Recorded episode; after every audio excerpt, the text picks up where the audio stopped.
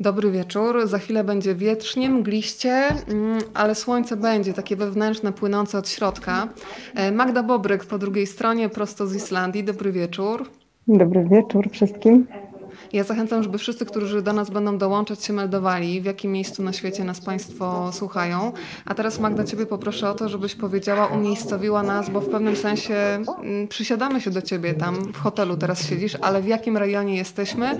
E, wprowadź nas trochę w swoją codzienność. Witam Was serdecznie z zachodniej części Islandii, dokładnie z półwyspu Snæfellsnes. E, to jest taki ogromny, e, można powiedzieć, najbardziej chyba rozpoznawalny turystycznie e, półwysep na wyspie, na którym znajduje się przepiękny lodowiec, który mieliśmy zamiar właśnie dzisiaj zobaczyć, odwiedzić, a może nawet wejść. Niestety wczoraj drastycznie zmieniła się pogoda na Islandii. Taka jest Islandia, zmienia się bardzo szybko zmieniają się warunki pogodowe. W związku z tym została nas dzisiaj mgła, został deszcz i ogromny wiatr, który nie pozwolił mi przeprowadzić tej transmisji na żywo na zewnątrz. To prawda, ale ja sobie pomyślałam, Magda, że wiatr ma to do siebie, że wywiewa złe myśli z głowy, robi przestrzeń na te dobre. Ja przynajmniej mam taką teorię i między innymi dlatego mnie zawsze ciągnie na południe. Myślę o Portugalii. No właśnie, więc y, Spotykają się dwie dziewczyny, z których jedna jest północą, a druga jest chyba południem. E, ale muszę ci powiedzieć, Magda, że zawsze, kiedy opowiadasz o Islandii, to ja mam ochotę się tam kiedyś z tobą wybrać i mam wrażenie, że państwo, którzy dzisiaj razem z nami będą, e, też dołączą do tej ekipy ciekawych Islandii. E, powiedz mi o takim swoim pierwszym pobycie i w ogóle tej, mm, tej decyzji, kiedy pomyślałaś jadę, bo ja mam wrażenie, że czasami różne zakątki świata nas wzywają. Jak było w twoim przypadku? Tak, Islandia mnie niewątpliwie wzywała od dawien dawna. Wszystko zaczęło się od e, bardzo hipnotyzujących dźwięków, e, czyli muzyki islandzkiej i, i twórców stąd pochodzących. A potem tak naprawdę wciągnął mnie jeden e, piękny obrazek totalnej pustki człowieka, który jest na tle lodowca. I stwierdziłam, że to jest takie miejsce, w którym na pewno chciałabym odnaleźć samą siebie. No i dojrzewałam, dojrzewałam do tej myśli. Wiecie, Islandia to jest jednak kraj północny, dosyć drogi, jeśli chodzi o wyjazdy, e, ale stwierdziłam, że zawsze można przecież wziąć e, rower i, i zobaczyć tę wyspę rowerem. Trochę nieświadoma, trochę jak, jak, jak małe dziecko, aczkolwiek z przygotowaniem, po prostu wzięłam rower, zapakowałam sakwę i przyjechałam tu na miesiąc. I po tym miesiącu już byłaś pewna, że będziesz wracać? Bo to jest chyba coś takiego, co się czuje od razu, że albo jest chemia pomiędzy miejscem e, a tobą, kiedy lądujesz, albo jest po prostu, po prostu są ładne widoki, jest klimat, ale wiesz, że to jest wycieczka na jeden raz. Od razu czułaś, że to będzie coś w rodzaju pozytywnego uzależnienia? Sądzę, że tak. Y, ale to wymaga jakby dopełnienia informacji o tym, jak bardzo zmieniła mnie po prostu samotna podróż, bo bycie przez miesiąc na rowerze, w trudnych warunkach, jakby nie patrzeć, w miejscu, gdzie nie ma ludzi, gdzie trzeba być ze sobą samym cały czas, powoduje, że zupełnie inaczej patrzymy na, na wiele rzeczy. I chyba to nie było tylko chęcią powrotu na samą wyspę, ale też chęcią jakby spędzania w ten sposób czasu, czyli przyjeżdżać tutaj samą. I tak bardzo długo się y, działo. Praktycznie to jest mój dziesiąty wyjazd, przyjazd na Islandię, a, a sześć przyjazdów tutaj było, było samotnych i taka eksploracja zarówno wyspy, jak i samej i samej siebie. Magda, na Twojej stronie przewodnikpoislandii.pl można się dowiedzieć, że można z Tobą wyruszyć w podróż. I to, co jest bardzo ciekawe i niekonwencjonalne, to to też, że Ty nie zabierasz w podróż grup, nie wiem, 5, 10, 15 osobowych, co pewnie byłoby swoją drogą ekonomicznie bardziej dla Ciebie opłacalne, ale zabierasz jedną osobę, czyli taka podróż jeden na jeden. Powiedz, y, jak wygląda ustalanie potrzeb, bo to jest jednak tak, że trzeba się najpierw chyba z tą drugą osobą dość porządnie obwąchać, powiem tak kolokwialnie spotkanie e, i wyczuć ją, jakie ona ma oczekiwania wobec podróży, bo mam wrażenie, że my często, kiedy kupujemy, nazwijmy to wycieczkę, to nawet mamy takie podświadome oczekiwanie jakiegoś planu, a tymczasem u Ciebie na stronie można przeczytać, że planu nie ma, tylko jest to, co przyniesie droga. No to jak to, jak to wygląda przed wyjazdem i potem już na miejscu? Skomplikowane pytanie. E, ale postaram się po kolei odpowiedzieć na te wątki. Po pierwsze, Zawsze marzyła mi się taka podróż, która będzie dokładnie taka, jakiej bym chciała. I wiem, że to jest arcytrudne, ponieważ zdarzało mi się poza Islandią podróżować po innych częściach naszego świata. I bardzo często miałam takie poczucie, że marnujemy mnóstwo czasu na to, żeby się zorganizować, dojść do tych miejsc. Poświęcamy mnóstwo energii na to, żeby znaleźć na forach informacje, gdzie, co, jak najlepiej, a potem w drodze jesteśmy jeszcze zestresowani tym, że nie wiemy, czy rzeczywiście to jest to, czy tędy, czy tak, czy śmak, czy teraz tankować, czy później, czy wziąć to, czy wziąć tamto. I z racji tego, że też zawodowo zajmuję się projektowaniem doświadczeń, zwłaszcza w branży turystycznej, a już byłam na tyle nasycona wyspą y, i znałam ją tak y, dobrze, w zasadzie jak własną kieszeń, że stwierdziłam, że pięknie by było dawać y, ludziom, którzy są też w potrzebie podróży na Islandię, wszystko to, co ja już wiem, czego ja już dotknęłam i co być może będzie dla nich e, tym czymś, czego potrzebują. I żeby nie przechodzili przez tą drogę poszukiwań, sprawdzania, miliona wątków, forów, blogów yy, i googlowania na Google Earth, gdzie co, jak wygląda, zaproponowałam taką formę yy, partnerskiego wyjazdu jeden na jeden z osobami, yy, które też w sposób szczególny jakby dobieram bo to też jest jakby mm, wzajemna relacja. To nie jest tak, że każdy się do mnie może zgodzić i każdego zabiorę na Islandię. Nie, Jak wygląda casting na tego człowieka, który może z Magdą Bobrych pojechać? Swoją drogą jeden na jeden, teraz niech się Państwo czują wyróżnieni. E, ruszamy. Ja będę w tak zwanym międzyczasie pokazywać te zakątki, do których nas Magda zabiera. No to powiedz, jak ten casting wygląda na człowieka, który może z Tobą pojechać na Islandię? Wiem, że to brzmi strasznie, ale słuchajcie, trzeba mieć jakąś pewną wrażliwość na, e, na wyspę, która w pierwszym rzucie e, jest pusta. Tam nic nie ma. Islandia jest absolutnie uboga w jakąkolwiek architekturę i, i przeszłość. Ona ma tylko i aż przyrodę. Jest bardzo często surowa, jest bardzo często trudna, jeśli chodzi o warunki atmosferyczne i wymaga zderzenia ze samym sobą w kontekście tego niesamowitego żywiołu, jakim wyspa jest, bo jest wydźwignięta tytaniczną siłą wulkanów. Jest momentami dramatyczna, jest momentami szara, czarna, smutna, ale w tym niesamowitym jej nastroju pojawia się po prostu nasza własna refleksja. trzeba umieć e, też ze sobą jakby w tej podróży rozmawiać więc nie zabieram ze sobą ludzi młodych, którzy mają tak zwany bucket list e, z wypisanymi atrakcjami. Muszę zobaczyć na Islandii to i to i to, bo na Islandii nie można musieć. Na Islandii e, podróżuje się zasadą mieszkańców, Islandczyków. Brzmi ona follow the sun, czyli ląduje się na wyspie, widzi się, gdzie jest słońce i w tamtą stronę się rusza. I ten rytm podróżowania sprawdza mi się za każdym razem, dlatego trudno jest powiedzieć, co będziemy robili dziś, jutro, jeżeli nie wiemy, w którą stronę, czy na północ, czy na południe, wyruszymy. Magda, na Twojej stronie można przeczytać, że zapewniasz m.in. islandzki sweterek. Oprócz e, sweterka e, m.in. domowe batony i muszę się tu zatrzymać, chociaż to jest drobnostka, ale zastanawiam się, czy te domowe batony są od Ciebie, wiesz, tam robione przez domowników u Ciebie mm, na 515 e, kilometrze Odry, Odry, czy to jest Twoja kolejna zdolność, oprócz fantastycznych fotografii i opowiadania historii? To jak ten ekwipunek wygląda? Kto go pakuje i kto go wykonuje? Zawsze staram się mm, zaangażować do tego dzieciaki, moje siostry. E, Czyli miałam dobrą Może... intuicję, że to nie dokładnie tylko te rączki, co?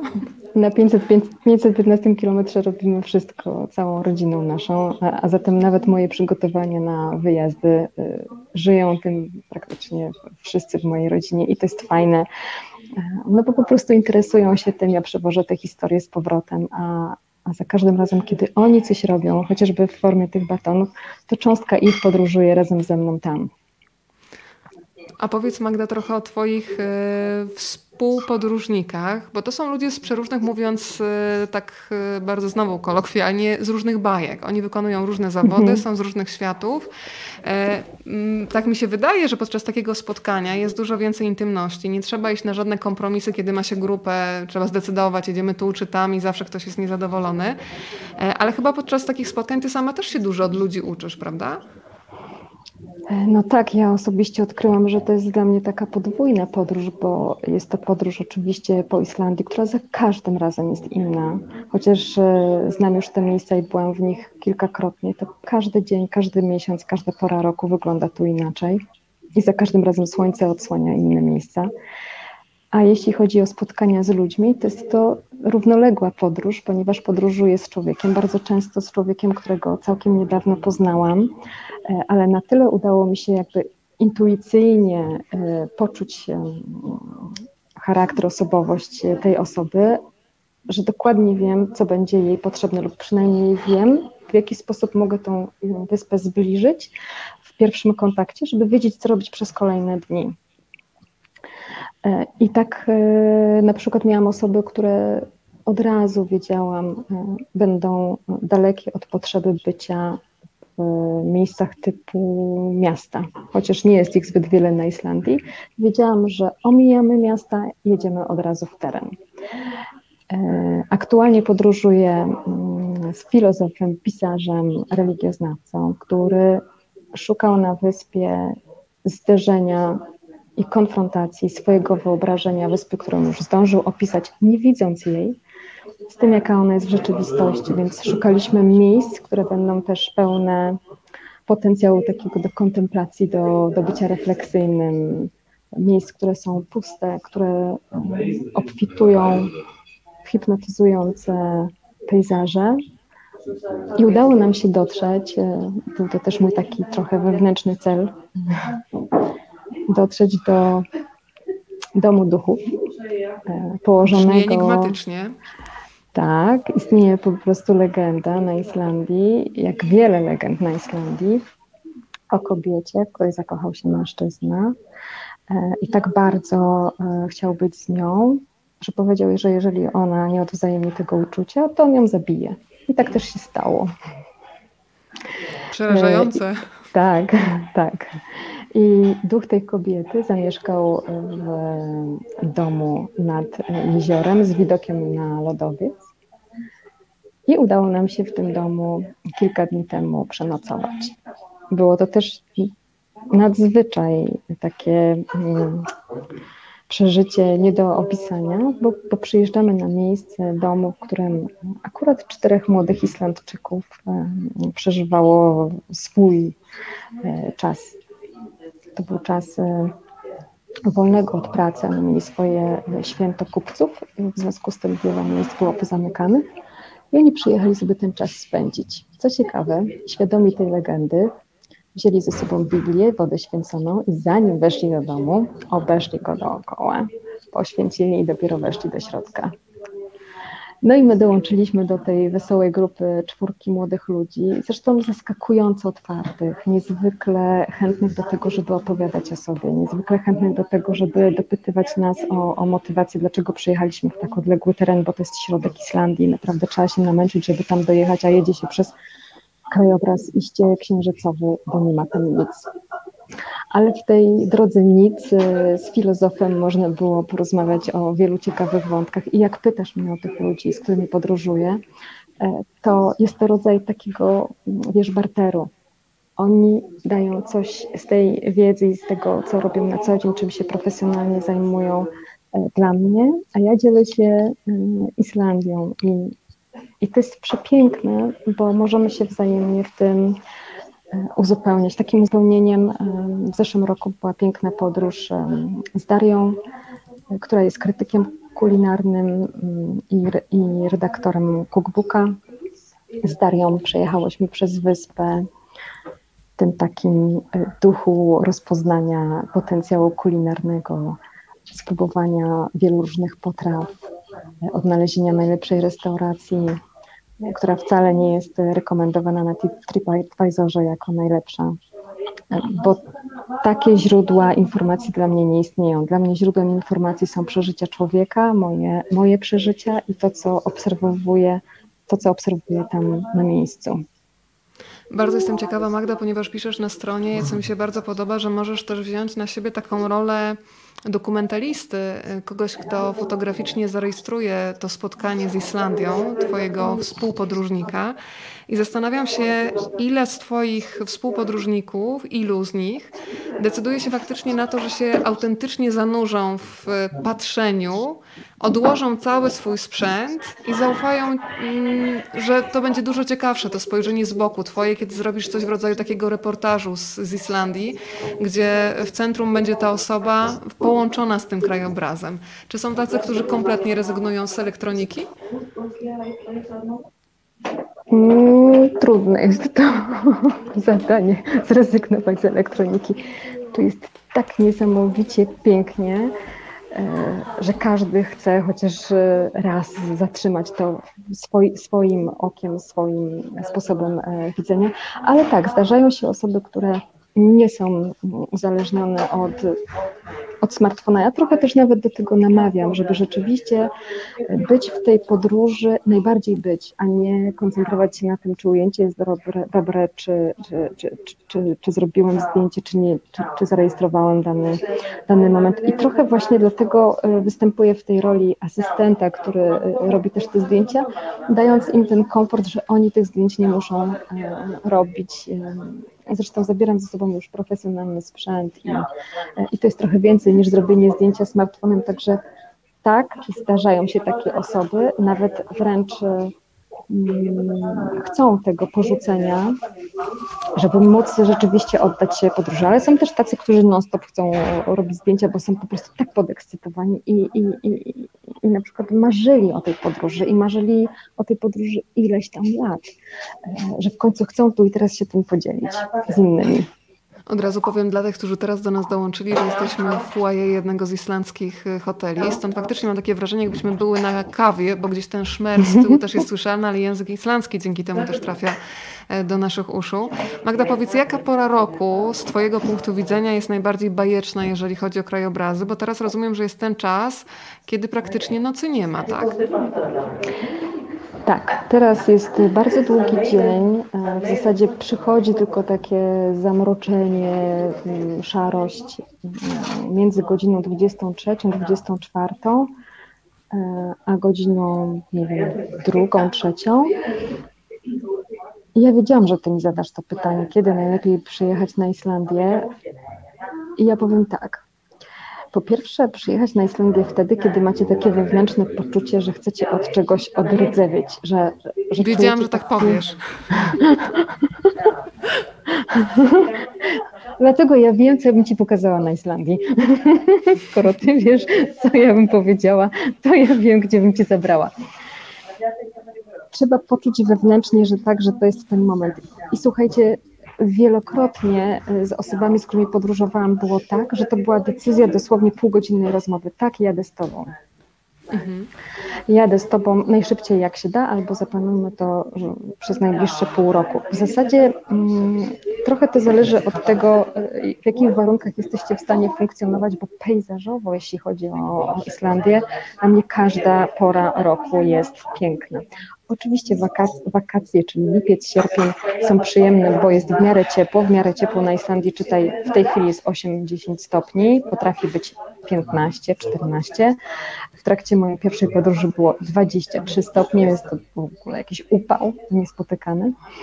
E, ale przepięknie też jest w kwietniu. W kwietniu jest ślicznie, ponieważ jest jeszcze fragment zimy. Wchodzimy już praktycznie w lato. Są e, łąki łubinu, e, które zderzają się z bielą i soczystą zielenią. Kwiecień jest piękny również pod tym kątem, ponieważ migrują ptaki. Jest ich całe mnóstwo na Islandii. E, jak się przejeżdża z jednego punktu do drugiego, to raz się słyszy gęsi, potem słyszy się kurki, potem słyszy się ten, ten koni, potem owce, e, potem nagle pojawia się wiatr, potem nagle pojawia się śnieg, potem pojawia się słońce i zielone tereny. Ta mnogość pejzaży na Islandii to jest coś, co zaskakuje każdego. Bo większość ludzi ma wyobrażenie, że to jest kraina, nie lubię bardzo tego określenia, ognia i lodu, ale to tak naprawdę jest niezwykle zielona kraina, również czarna kraina, kraina, która ma mnóstwo wody, kraina, która ma mnóstwo dźwięków. Te dźwięki jesteście w stanie słyszeć tylko wtedy, kiedy wyjdziecie z samochodów, kiedy położycie się na trawie, kiedy dacie sobie czas na to, żeby wyspę usłyszeć żeby wyspę poczuć, żeby weszła Wam do nostrzy, żeby weszła Wam do uszu, żebyście w końcu poczuli przy piątym myciu dłoni, że ta woda tutaj jest nie tylko śmierdząca siarką, ale też oleista w swojej konsystencji, ma bardzo wysokie pH. I to są rzeczy, których nie da się odebrać w krótkiej, 3-4-dniowej wycieczce pod tytułem Ekstremalna Islandia, w weekend zobaczysz wszystko. Jestem bardzo odległa od tego, żeby w ten sposób traktować wyspę, bo ta wyspa nie pozwala na, na to. Zresztą e, trzeba jej oddać po prostu pewną też taką no, godność tego, że nie można jej e, tak wlecieć po prostu i, i, i, zobaczyć. Trzeba z nią poprzebywać. I my przebywamy w tych wyjazdach. Pojawiają się pierwsze pytania, Magda. Swoją drogą, jeżeli Państwa jeszcze nie zachęciłam na początku, to mówię od razu, że w każdym momencie tego spotkania Państwo się mogą włączyć, tak jakbyśmy faktycznie dzisiaj siedzieli sobie w hotelu wszyscy przy kawie.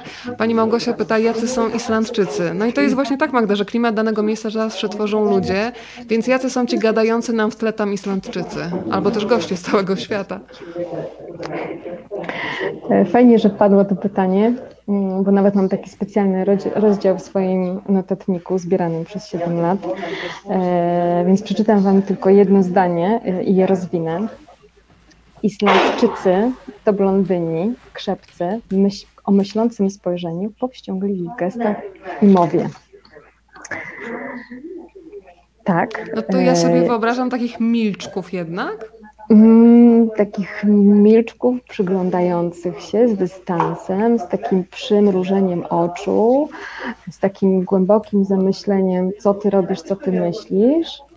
Mm, ale jak już cię poznają, jak już się zbliżycie jesteście w relacji znajomości, to są niezwykle też otwarci na to, żeby dzielić się tym, tym co mają. Domy Islandczyków słyną z tego, że są otwarte, bardzo rodzinne. Przed progami domów stoi mnóstwo, mnóstwo butów. Oni się spotykają bardzo często w swoich domach, zwłaszcza w takie wieczory już poza e, letnie, czyli wtedy, kiedy dzień jest krótki, kiedy nie ma co robić na zewnątrz, e, kiedy e, wymówka pod tytułem chodźmy na lody już nie działa, bo już na tych lodach byli, trzeba spotkać się w domu i zacząć rozmawiać albo muzykować.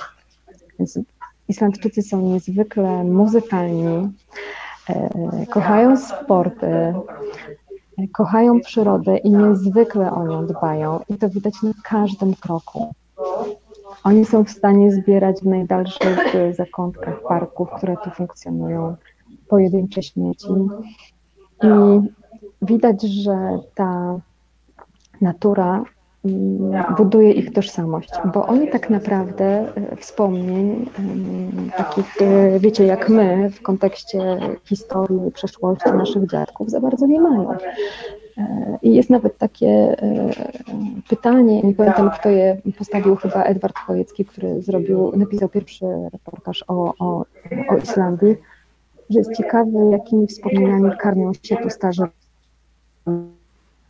Magda, zaczęłaś nam przerywać, ale mam nadzieję, że zaraz wrócisz. Ostatnie zdanie, które cytowałaś, niestety nam Jestem? zjadła, przynajmniej zjadło w moim uchu, więc gdybyś mogła jeszcze A. ten fragment e, cytatowy nam tutaj przywrócić do życia. Cytat z Edwarda Chojeckiego brzmi, jakimi wspomnieniami, że jest ciekawe, jakimi wspomnieniami karmią się tu starzy ludzie. Dlatego, że tych wspomnień, tak jak my w swoich e, rodzinach z przeszłością bardzo daleką, bardzo głęboką historią w ogóle kraju, oni tutaj nie mają. Magda, kolejne pytania od panów teraz, którzy się włączyli do naszej rozmowy. Pierwsze pytanie tak. brzmiało o to, czy z tego notatnika, do którego zaglądałaś, będzie książka. Proszę się tutaj określić. Słuchajcie, ja nie mam odwagi napisać książki. Może jak już będę tutaj po raz 30, e, albo rzeczywiście tak, e, tak się zwiążę z Islandią, że będę ją czuła naprawdę mocno, to, to wtedy coś powstanie, ale mm, ja bardzo szanuję pisarzy, bardzo szanuję samą formę książki i uważam, że trzeba mieć do niej naprawdę ogromną wiedzę, e, a ja jej jeszcze jej nie posiadam. Może zrobię Swoja... po prostu ładną mapę z, z miejscami. Ja swoją drogą e, dzisiaj oglądałam też fragment bloga Busem przez świat o Islandii. Słyszałam, że bardzo dużo właśnie pisarzy żyje w Islandii. Nawet był taki etap, kiedy rząd też przyznawał specjalne stypendia, żeby ludzie sobie faktycznie siedzieli i mogli poświęcić ten czas na pisanie. Pan Eryk jeszcze ma bardzo ciekawe pytanie, Magda. Czy to prawda, że islandzcy, islandzcy policjanci mają niesamowite poczucie humoru? Nie wiem, czy miałaś okazję przetestować. Spotkać policjanta na Islandii jest niezwykle trudno. Nie miałam takiej okazji. Oni ogólnie mają e, całkiem, powiedziałabym, ironiczne poczucie humoru, e, Islandczycy ale jest policjantów na tej wyspie tak mało, że trzeba chyba e, popełnić jakieś ogromne przestępstwo, żeby się z nimi spotkać. Także nie odpowiem I wtedy na to też chyba nie ma poczucia humoru, jak jest poważne przestępstwo. Chyba, chyba nie. Ja nigdy nie spotkałam, a staram się też e, prawa nie łamać, tak jak, tak jak sami Islandczycy, Islandczycy e, twierdzą, że oni tu nie muszą mieć zbyt dużo policjantów, no bo dlaczego mieliby łamać prawo? To jest y, jakby solidarność ich komuny, w której żyją. Pamiętajmy, że oni są jak jedna wielka rodzina. To, to, to, to nie jest 5 milionów, 36 milionów mieszkańców. To jest 350 tysięcy mieszkańców na wyspie, czy prawie tam 380 tysięcy. Oni się praktycznie wszyscy znają bliżej lub dalej, są jakoś y, w powinowactwie takim rodzinnym, na pewno krwi. W związku z tym, to a propos ciekawostek o Islandczykach, mają specjalną aplikację, dzięki której no, nie spotkają się na przykład na randce z członkiem swojej bliskiej rodziny, bo od razu wychodzi im informacja pod tytułem tam czerwony alert, to jest twoja kuzynka, nie proponuję Czyli taki Tinder randki. z drzewem genealogicznym trochę, tak? Tak, tak, dokładnie. A ponieważ mają ogromne laboratorium genów, bardzo łatwo mm, mogli sobie stworzyć w ogóle taką aplikację. Co więcej, teraz w okresie tej pandemii mm, posiadanie takiego banku genów wszystkich mieszkańców bardzo im pomogło też jakby w zapanowaniu nad, nad tą sytuacją pandemiczną. Pani Sylwia się włączyła tutaj do rozmowy. Z czego żyją Islandczycy? Czyli te najczęstsze zawody, gdybyś mogła pewnie trochę generalizować, ale te branże, o, to się Państwo znają, tutaj Pani się znają. Mm, kuzynka. To, a, kuzynka, widzisz, mówiłaś o tej aplikacji tutaj bliskości e, genów i tak dalej i proszę, to powiedz e, te najczęstsze zawody, z którymi się spotykasz. No teraz aktualnie po, e, po boomie turystycznym większość Islandczyków właśnie żyje z turystyki. Wcześniej, no jeszcze rolnictwo. Wcześniej było to rybołówstwo, ale najwięcej Islandczyków żyje mm, e, w tej chwili z turystyki. Oni są też e, bardzo płodni w kontekście przemysłów kreatywnych, to co mnie osobiście też tu fascynuje jako, jako miejsce, w którym powstaje bardzo dużo dobrych pomysłów na to, jak proste rozwiązania mogą poprawić nasze życie. I mm, oczywiście turystyka to jedno, e, rybołówstwo to, to drugie. Jest też dużo zawodów takich, wiecie, no prostych, potrzebnych, mechaników, hydraulików, aczkolwiek Islandczycy, to a propos pytania, jacy są Islandczycy, Islandczycy starają się być bardzo samowystarczalni. Tacy są ludzie północy, ten etos wikinga, który ze wszystkim sobie da radę, który nie musi nikogo o nic prosić, jest tutaj bardzo taki mm, wyczuwalny. Ale z drugiej strony ta północ też wymaga niezwykłej e, wzajemnej pomocy. Więc z jednej strony Islandczyk potrafi zrobić wszystko, ale też nie będzie oporny na to, żeby ci pomóc w potrzebie. I też to, co powiedziałaś przy okazji wypowiedzi o policjantach, że to jest taka kultura zaufania, dlaczego ktoś miałby e, przekraczać jakieś przepisy, e, skoro tutaj sobie w tak. jakiś sposób wierzymy, mam wrażenie. Pan Piotr pyta, Pani Magda to kreatorka marzeń niedomarzonych, czy introwerty, który więcej wchłania niż daje, ma szansę w castingu? Czyli wyobrażam sobie taką osobę trochę właśnie z islandzkimi genami, czyli lubi sobie pomilczeć. Panie Piotrze, dobrze rozumiem, to jak? Przechodzi casting Pan Piotr, czy nie? E, czekajcie, jeszcze raz muszę. Jeszcze raz muszę tutaj wyświetlam. Bardzo proszę, bardzo proszę. Czy introwertyk, który więcej wchłania niż daje, ma szansę w kas... Czyli taki, który ci nie będzie opowiadał, wiesz, na przykład o religii czy o filozofii, ale będzie chciał słuchał i, i, i wchłaniać. E, to jest tak, że to jest podróż tych osób, z którymi jadę. Ja równie dobrze mogę przez cały okres tego wyjazdu kompletnie się nie odzywać. Wszystko zależy od potrzeby osoby, która jest w podróży. I my o tym rozmawiamy. Jeżeli ktoś będzie chciał, to przez całą podróż jeździ z muzyką w uszach i chłonie krajobrazy. Są ludzie, którzy potrafią nie wychodzić z samochodu i po prostu być w drodze przez całą wyspę i, i widzieć, wiecie, przez mgłę wszystko. Są tacy, którzy wybiegają z samochodu i przez 6 godzin są sami ze sobą i z krajobrazem. Więc u, o, pokazałaś nam trochę stolika, dobrze, ale wróciłaś. Y, o, i Magda nam na chwilę zniknęła, ale zaraz mam nadzieję się pojawisz o. w obrazku, bo na razie tylko słyszę. O, już jesteś. Jestem. Jesteś, pojawia się i znika jak elfy, słuchaj. Pan Piotr to wywołał. Czy opowiesz nam o ludziach, którzy rozmawiają z elfami w sprawach zakupu ziemi i budowy? To chyba opowiesz, co? Piotrek. Ja Piotrek, się przyłączam do tej prośby. Piotrek to postać szczególna, o niej też muszę powiedzieć, bo za chwilę Piotrek będzie tutaj na tej wyspie i podróżuje po niej, e, zwłaszcza dla odrdzewienia. Elfy, dla mnie ukryci ludzie, to folklor, e, którym żyją Islandczycy i który jest niezwykle szanowany jako tradycja ich e, wierzeń. Z elfami i ukrytymi ludźmi jest tak, że one tutaj są. Trzeba się kup, wkupić w ich łaski. Ja domowymi batonami? Y, trochę domowymi batonami, ale tu już y, wyciągam to, co zawsze ze sobą wożę. Nie wiem, czy tutaj mam. Słuchajcie, y, sztućce. Ja wożę ze sobą zawsze sztućce drewniane. Takie sztućce też zabierają osoby, z którymi podróżuję i zostawiamy je dla elfów, ponieważ jeżeli nie wkupimy się w łaskę elfa, on najczęściej podkrada nam albo coś do jedzenia, albo właśnie sztućce, który, bez których jeść nie możemy. To jest świetne ułożenie mikrofonu. Teraz się zatrzymam, żebyś się tak zakotwiczyła, tak? bo dużo lepiej Dobrze. słychać dźwięk, a mniej tło. Super. I są, y, są na wyspie osoby, które posiadają y, zdolność y, nie tylko spotkań z elfami, ale też rozmowy z elfami. Bardzo często jest tak, że na Islandii trzeba wybudować nową drogę, wybudować jakiś, jakąś nieruchomość, postawić. I elfy mieszkają w kamieniach, w układach. I kiedy na rysunkach technicznych, w planach pojawia się taki kłas na drodze, to nie można go po prostu wielką koparą komatsu, caterpillar przepchnąć, tylko trzeba najpierw elfy stamtąd wyprowadzić, bardzo uprzejmie poprosić ich o to, a dopiero wtedy można ten głaz zabrać. I są takie osoby, które z elfami rozmawiają na ten temat, proszą o, o wyprowadzenie się.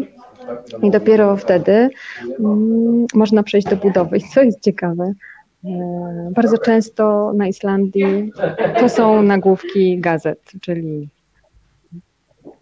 dom elfów przesunięty i można zbudować e, drogę. Że Islandczycy żyją e, bardzo często takimi historiami, co jest zabawne, bo te gazety wyglądają zupełnie inaczej niż nasze gazety.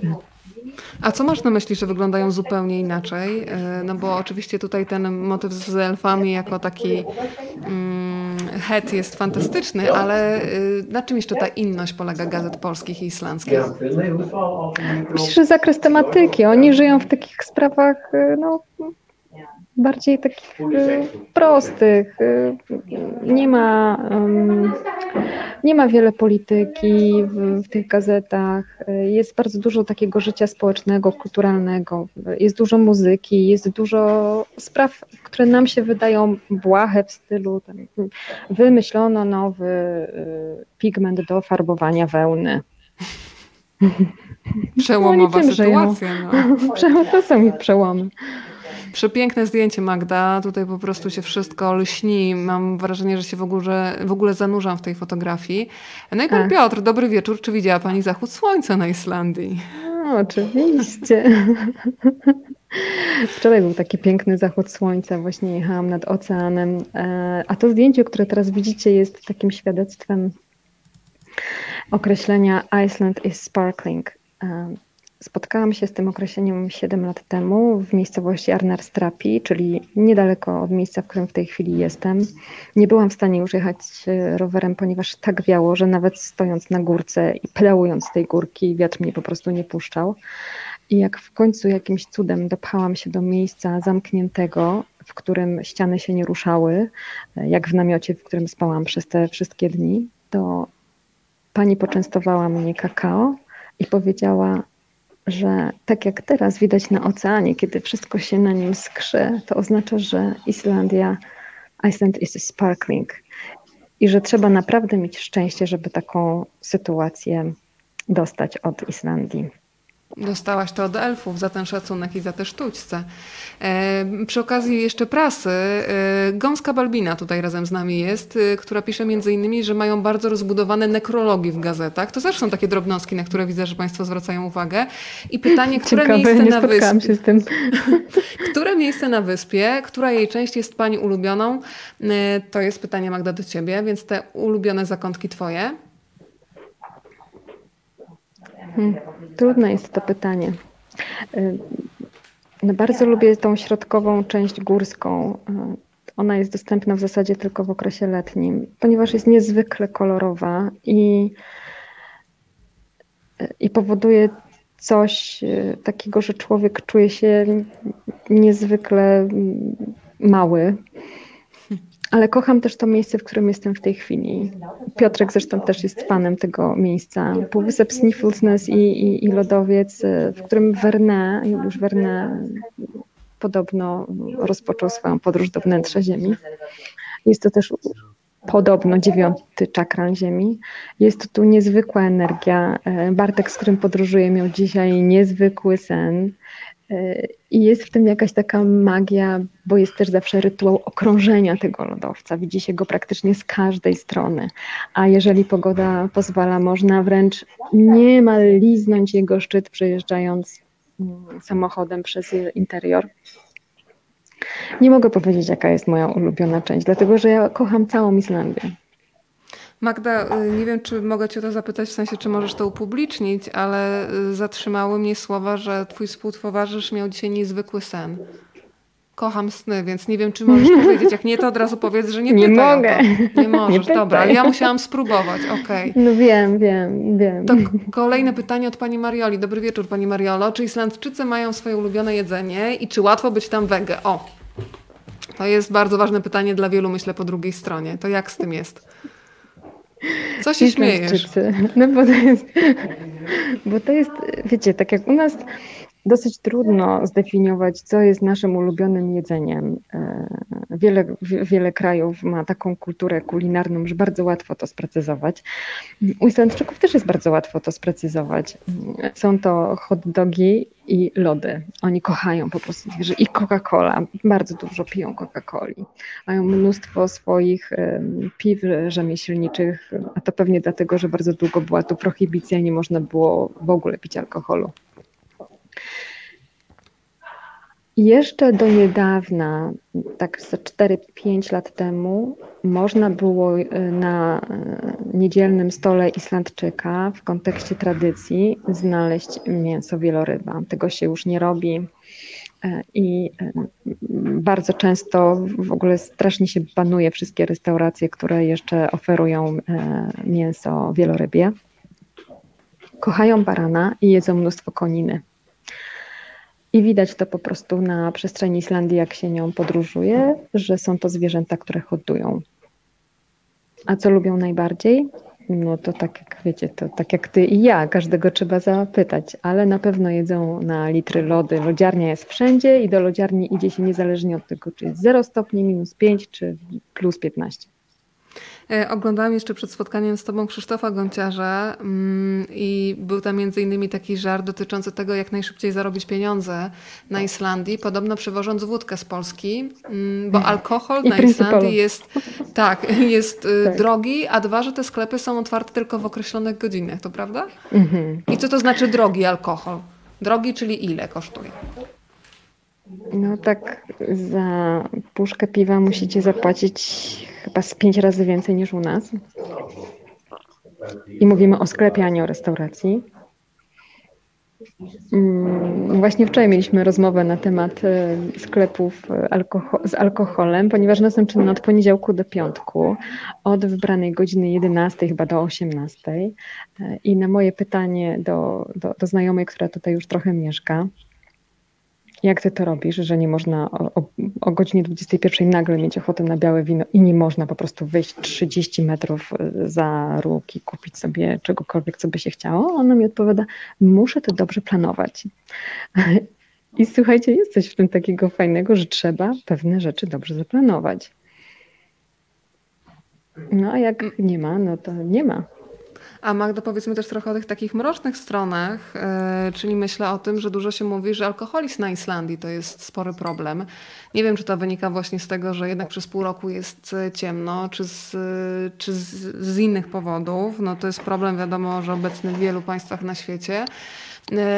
Ale zauważasz to jakoś? Myślę na przykład o ludziach pijanych gdzieś na ulicach, na przykład w Reykjaviku. To jest widoczne czy nie? Czy to jest bardziej właśnie schowane w domach?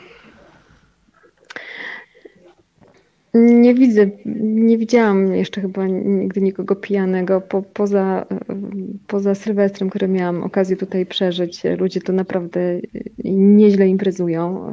Wynika to zresztą jakby z, z takiego poczucia Islandczyków, że oni nie mają nic do stracenia. Oni żyją na wyspie, na której każdego dnia może się coś wydarzyć. Może wybuchnąć wulkan i, i tak jak, tak jak tak jak kiedyś to się stało, 30% ludności na Islandii po prostu zginęło. Więc oni mają taką łatwość robienia tego, co chcą.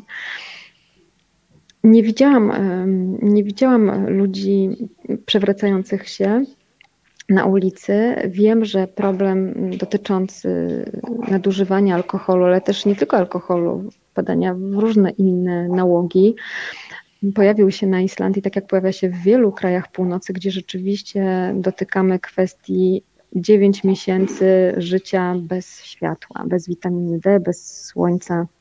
I dotyczy to Norwegów, problem ten pojawia się na Grenlandii. Islandczycy znaleźli na to rozwiązanie systemowe i bardzo długo też nad tym się zastanawiali, jak to zrobić. Oczywiście dostępność w sklepach to jest jedno rozwiązanie, ale żeby temu zapobiec już na takim wczesnym etapie, e, czyli za dzieciaka wdrażać pewne rozwiązania, oni postanowili postawić na sport i na wzajemne relacje sąsiedzkie czyli dzieciaki, z którymi był problem przez jakiś czas, do 15 roku życia nie mogły wychodzić z domu po godzinie 22. Jeżeli sąsiad widział dziecko sąsiada, no to był alarm na zasadzie: Halo, sąsiedzie, widzę, że twoje dziecko wychodzi. Dlaczego tak się dzieje? Proszę, zrób coś z tym. I ta solidarność była bardzo e, widoczna, i, i oni się niezwykle angażują w takie wspólne działanie. Co więcej, na Islandii wszystkie dzieci są bardzo wcześnie wciągane w sport.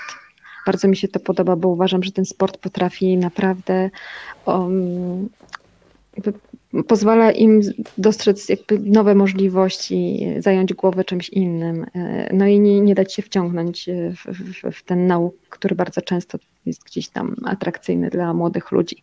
Każde dziecko na Islandii do szóstego roku, do siódmego roku życia potrafi pływać. E, one chodzą na różne grupowe zajęcia. Wszędzie tutaj gra się w piłkę. Te, te, te boiska piłkarskie są w tak dziwnych miejscach. Czasami w ogóle byście nie powiedzieli, że, że, że tutaj powinno być boisko.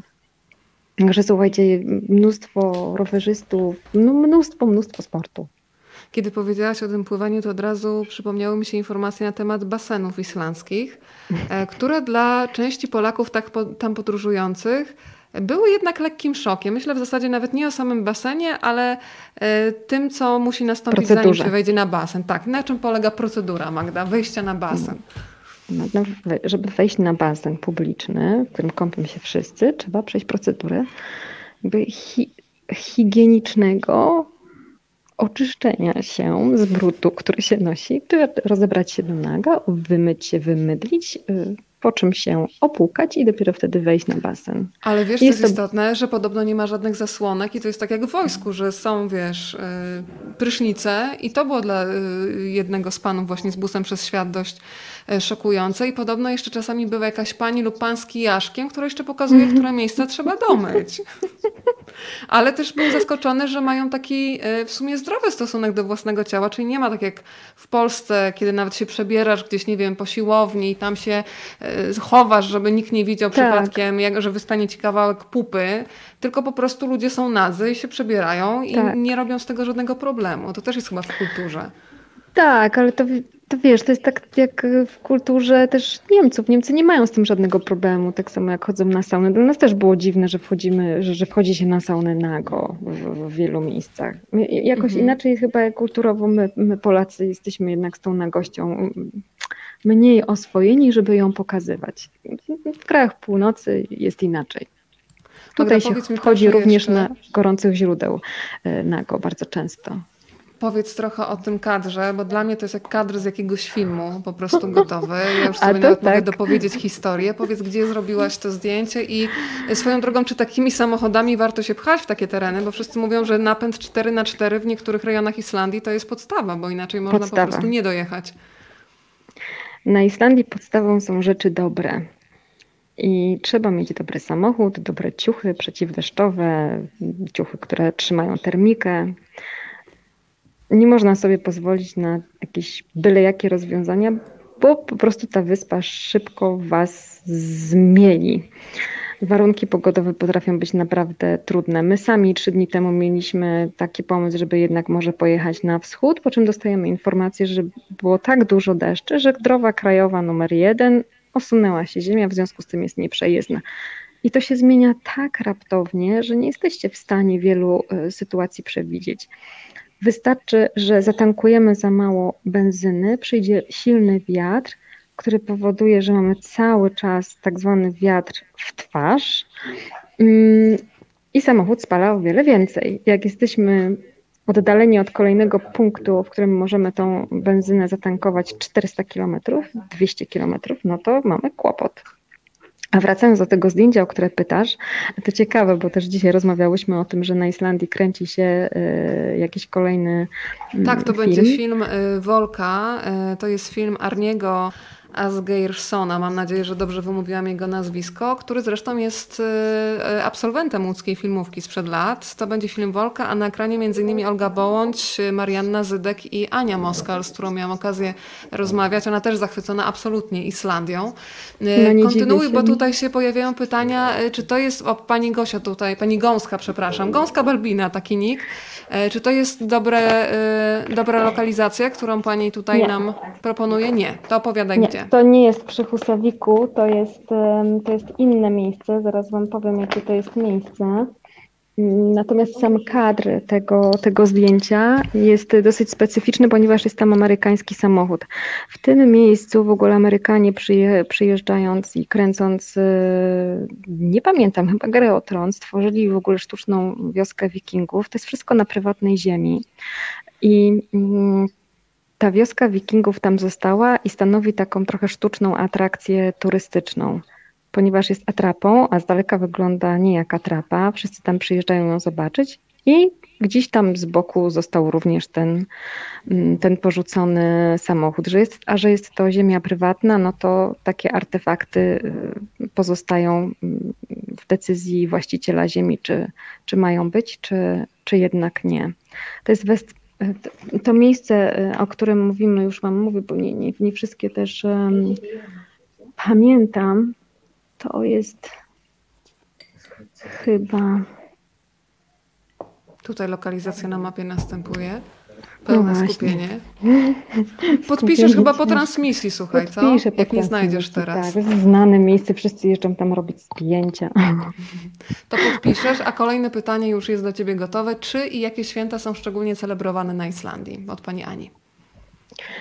Wrócę tu do Twojego pytania właśnie o literaturę, ponieważ w sposób specyficzny są traktowane święta Bożego Narodzenia. W tym czasie większość wydawnictw wypuszcza książki na Islandii napisane przez Islandczyków, bo jest nawet taki żart, że jak się spotyka Islandczyka i pyta się go o książkę, to albo tą książkę właśnie już napisał i wydał, albo jest w trakcie jej pisania.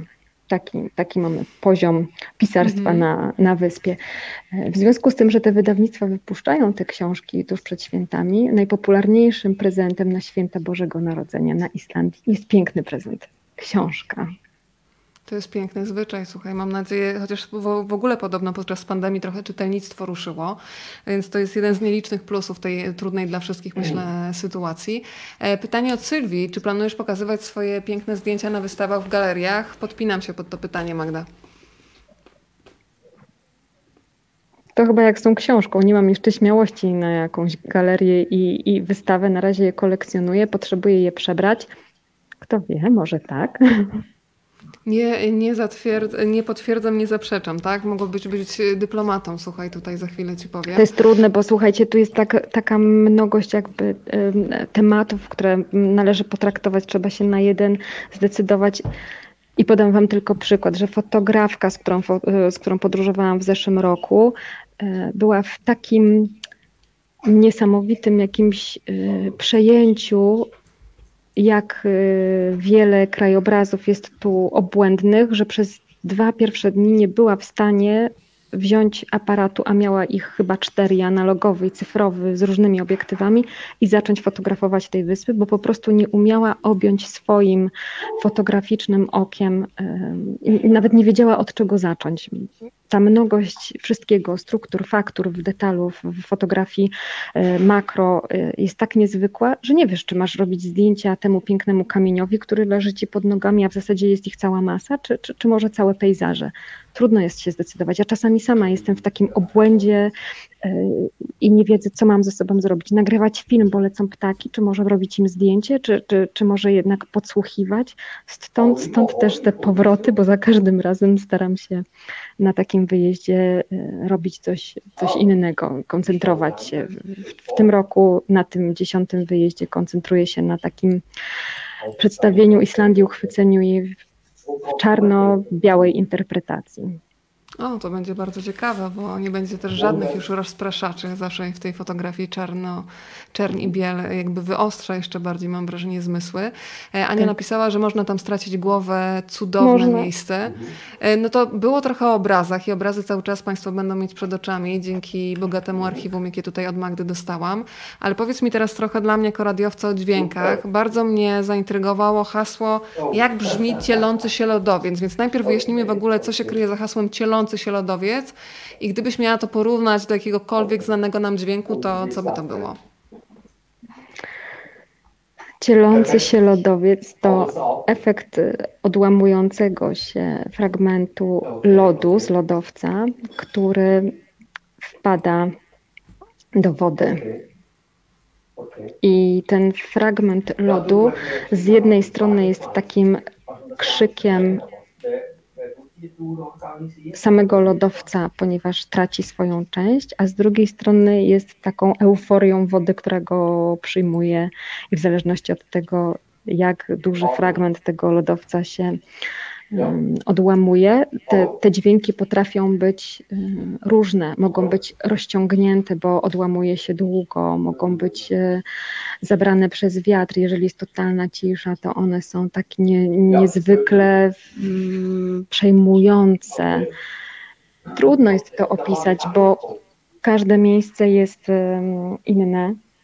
I, I, każdy lodowiec też jest, e, też jest inny. Dużo też zależy od tego, jakie są warunki atmosferyczne, ale niewątpliwie jest to takie, e, wiecie, takie przeżycie epickie, powiedziałabym. No, nie dość, że widzimy e, odłamujący się fragment lodowca. Niektórych to zresztą bardzo przejmuje, bo, bo uświadamia nam tak naprawdę stan, stan też klimatyczny naszej planety. O, Rax Is widzę, e, polecam. Tak, rzeczywiście to jest świetny fotograf. E, przepraszam, że tak wtrącam, ale widzę komentarze i, i Ragnar Axelsson jest akurat świetnym fotografem, który, e, którego wystawy staram się zawsze oglądać na Islandii. On nie tylko fotografuje Islandię, ale w ogóle północ.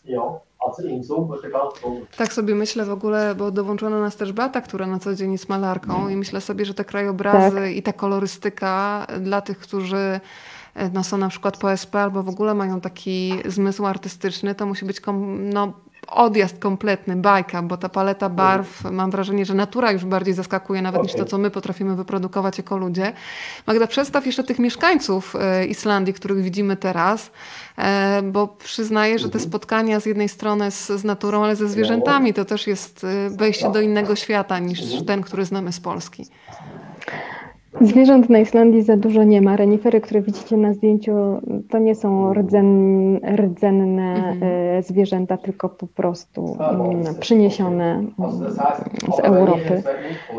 Nie ma za, za dużo zwierząt, z którymi spotykamy się na co dzień. Lisy arktyczne, piękne zresztą, mm, są spotykane głównie na północy, północnym wschodzie.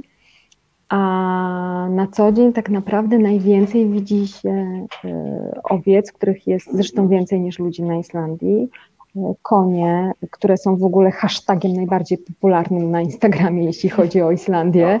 E, no i oczywiście mnóstwo ptaków, w zależności od tego, w jakim okresie na tą Islandię przyjedziemy. A to jest świetne zdjęcie, y, co do którego chciałabym też coś powiedzieć, ponieważ tutaj y, zrobiłam taki eksperyment. Widzicie taką rysę na wodzie? Jest. Ta rysa na wodzie y, była przyczyną, dla której zatrzymałam się na poboczu, bo byłam święcie przekonana, że widzę grzbiet wieloryba. Hmm. I e, na Islandii dzieje się taka rzecz e, popularna, nazywa się to efekt domina, czyli jak jeden samochód zatrzyma się na poboczu, to natychmiast zatrzymują się inne samochody. I w momencie, kiedy zatrzymałam się tutaj, e, powiedziałam sobie, dobra, to, to nie będzie fajne, ale raz to zrobię. E, powiedziałam, że widzę przez obiektyw, że to jest wieloryb. Więc wszyscy zaczęli, słuchajcie, trzaskać zdjęcia. Było to, było to mój, był to mój eksperyment w ramach też obserwacji takiej zawodowej, którą prowadzę, nazywam to tourist behavior, e, czyli to, co robią um, turyści no, w miejscach, gdzie turystyka jest popularna. Islandia jest tego najlepszym e, przykładem, bo jest ich tam po prostu mnóstwo. I słuchajcie, zatrzymało się chyba z 15 samochodów. Każdy robił zdjęcia i każdy był przekonany, że widzi wieloryba. A to był po prostu kawałek głazu, który wystawał z wody i fala go lekko poruszyła. Wyobraź sobie, wszystko zależy od mocy wyobraźni, Wyobraź jak się okazuje, sobie, tak, prawda? Tak, tak, tak. Kolejne pytania, słuchaj, się pojawiają. Tutaj e, pytanie kolejne, czego Pani najbardziej brakuje na Islandii? Mnie brakowało bardzo drzew. Tak, no to jest... zgadzam mhm. się. Zgadzam się, że brakuje drzew, po, zwłaszcza po, po, po miesięcznej e, takiej, po miesięcznym wyjeździe te, te drzewa były czymś, czego mi brakowało, ale uwaga, Islandczycy prowadzą ogromną akcję obsadzania, e, e, obsadzania drzewami terenów na Islandii, więc jest ich coraz więcej. I, I, nawet można wejść do niektórych lasków, więc jak bardzo, bardzo się stęsknicie za drzewami, to już takie miejsca są. Brakuje, przez to, że brakuje, brakowało mi drzew, brakowało mi też tak naprawdę w tych wyjazdach, bo, bo lubię żyć mocno w plenerze, dziko. Bardzo często unikam zorganizowanych in, infrastruktur turystycznych, czyli hoteli, hosteli i, i, i wolę przeżywać tą przyrodę po prostu w niej. Brakuje mi ognia. Nie mogłam na Islandii i, i do tej pory nie zdarzyło mi się rozpalić ogniska. Ciekawe. Y, Iza jeszcze dołączyła i wspomina, że kiedy pierwszy raz usłyszała cielący się lodowiec, piękne określenie, zgadzam tak. się, miałam wrażenie, że rozrywa się niebo, oszałamiający huk y, spektakularnych. Ja chcę to usłyszeć teraz, dziewczyny, bo cytacie mój apetyt na dźwięki. Słuchaj, w tle słyszę chyba niemieckich turystów, tak. ale zastanawiam się, czy język islandzki. Gdzieś słyszałam, że paradoksalnie dla Polaków język islandzki jest łatwiejszy do nauczenia się niż na przykład dla ludzi, dla których pierwszym językiem jest angielski. Prawda? Prawda to jest, czy nie? Jak ty to. Yy, jak tego doświadczyłaś? Jak to, jak to odczuwasz? Ostatnio spotkałam właśnie w, w, w, gorących źródłach, siedząc w gorących źródłach Polkę, która e, jest tu od 23 lat i mówi, że nie miała dużego problemu z nauką języka e, islandzkiego, ale e, ona też nie znała języka angielskiego, więc nie wiem z czego wynikała ta łatwość. Szczerze mówiąc, nie zagłębiałam się w tą tematykę, bo nigdy też nie pomyślałam o tym, że mogłabym się języka islandzkiego uczyć z racji tego, że tak bardzo popularny jest tu język angielski, wszystko w zasadzie można w tym języku załatwić. Chociaż jak zakładam swój islandzki sweter i nie noszę czapki, widać moje blond włosy, to i tak wszyscy witają mnie po islandzku, bo, bo jakoś nie utożsamiają mnie z turystką. Ale to wiem, jest super że stan, co? Taka tak, miejscowa to jest. Wspaniały, to jest wspaniały stan. E, Ale wiem, że Islandczykom bardzo łatwo jest e, uczyć się języka angielskiego. O, tu O, macie piękny wodospad Detifos. O właśnie miałam cię zapytać o to zdjęcie, ale wspo- przypomniałaś mi, jak mówiłaś o tym, kiedy się potraktowali jak miejscową, to ja nie zapomnę sytuacji, kiedy w Portugalii podeszły do mnie turystki, powiedziały do mnie bom dia bardzo tak wyraźnie też po portugalsku, zapytały mnie po angielsku o drogę, ja wyjątkowo wiedziałam, gdzie to jest. I podziękowały mi też obrigada po portugalsku i ja byłam tak zachwycona, że wzięły mnie za miejscową, że w ogóle miałam cały dzień zrobiony. E, Tak. To jest, jak blisko można w ogóle, słuchaj, podejść do, y, czy to jest zdjęcie robione na długim obiektywie, czy faktycznie bliskość tego żywiołu natury? Mm, To jest e, akurat duże zbliżenie, natomiast do tego wodospadu, w zależności od tego, po której stronie się jest, można dojść dos, dosyć blisko. Mm, To też jest ciekawy wątek e, związany z organizacją turystyki na wyspie. Tutaj Islandczycy organizując przestrzeń dla turysty mają na uwadze, że ludzie są dorośli, mają swoją wyobraźnię i zwyczajnie widząc niebezpieczne miejsce, nie będą się do niego zbliżać. Więc nie ma, słuchajcie, jakichś nie wiadomo jakich barierek, obostrzeń, czerwonych znaków i informacji tylko dotąd. Jesteś człowieku dorosły, widzisz, że to jest po prostu żywioł, ogrom, jest, są śliskie kamienie, więc tam nie wchodź. To, I to zaufanie jest bardzo często mm, widoczne właśnie w takich e, małych e, elementach. I tak naprawdę podejdziesz do tego wodospadu, na ile pozwoli ci twój rozsądek. Magda, na stronie napisałeś, że na Islandii zabierasz tych, którzy, tutaj odwołując się, zaraz powiesz do kogo, bo to też jest ciekawa historia, zabierasz tych, którzy z mgieł potrafią wydobyć najistotniejszy szczegół. Czy to jest trochę tak, że właśnie w tej mgle te myśli stają się bardziej wyraźniejsze, kiedy jesteś odcięty od bodźców, od neonów, od reklam, to zaczynasz wchodzić w tę podróż najpiękniejszą, czyli w głąb w siebie. Tak, e, to, to co powiedziałaś, to, to co jest napisane na mojej stronie, mm, to jest rzecz, którą uświadomiłam sobie, jak obejrzałam film o turnerze, mm, który jeździł w ogóle w takie zamglone miejsca, miał, swo, miał, miał swoje tak, taką rezydencję, gdzie, gdzie, gdzie cały czas przebywał, bo, bo te mgły na oceanie tak naprawdę budowały jego wyobrażenie w malarstwie, które uprawiał. Ja uważam, i zresztą to jest też psycho, w psychologii udowodnione, że tam, gdzie jest mgła, gdzie nie ma zbyt wielu bodźców, gdzie, gdzie można skupić swoją uwagę na jakimś jednym detalu albo na pejzażu tak ogólnie, który jest z jednej strony niby monotonny, ale w rzeczywistości bardzo rozbudowany, gdy zaczynacie jeszcze bardziej się mu przyglądać, wtedy zaczynamy słyszeć, widzieć y, zupełnie nowe rzeczy. I dlatego napisałam, że zabieram ludzi, którzy potrafią jakby w, w, w niczym dostrzec coś, ponieważ Islandia daje ogromną y, możliwość pobudzenia na nowo swojej kreatywności. To odrdzewienie, o którym powiedziałam, kiedy przyjechać na Islandię, to też jest taki moment, kiedy czujemy, że nie wiem, już nie mamy weny, nie mamy pomysłów, nie, nie wiemy, co zrobić, nie wiemy, co zmienić. Jesteśmy w jakimś takim, w jakiejś takiej stagnacji i nie wiemy, jak się z tego wyrwać. I nawet nie wiemy, czego ta stagnacja dotyczy, czy naszego życia zawodowego, czy prywatnego.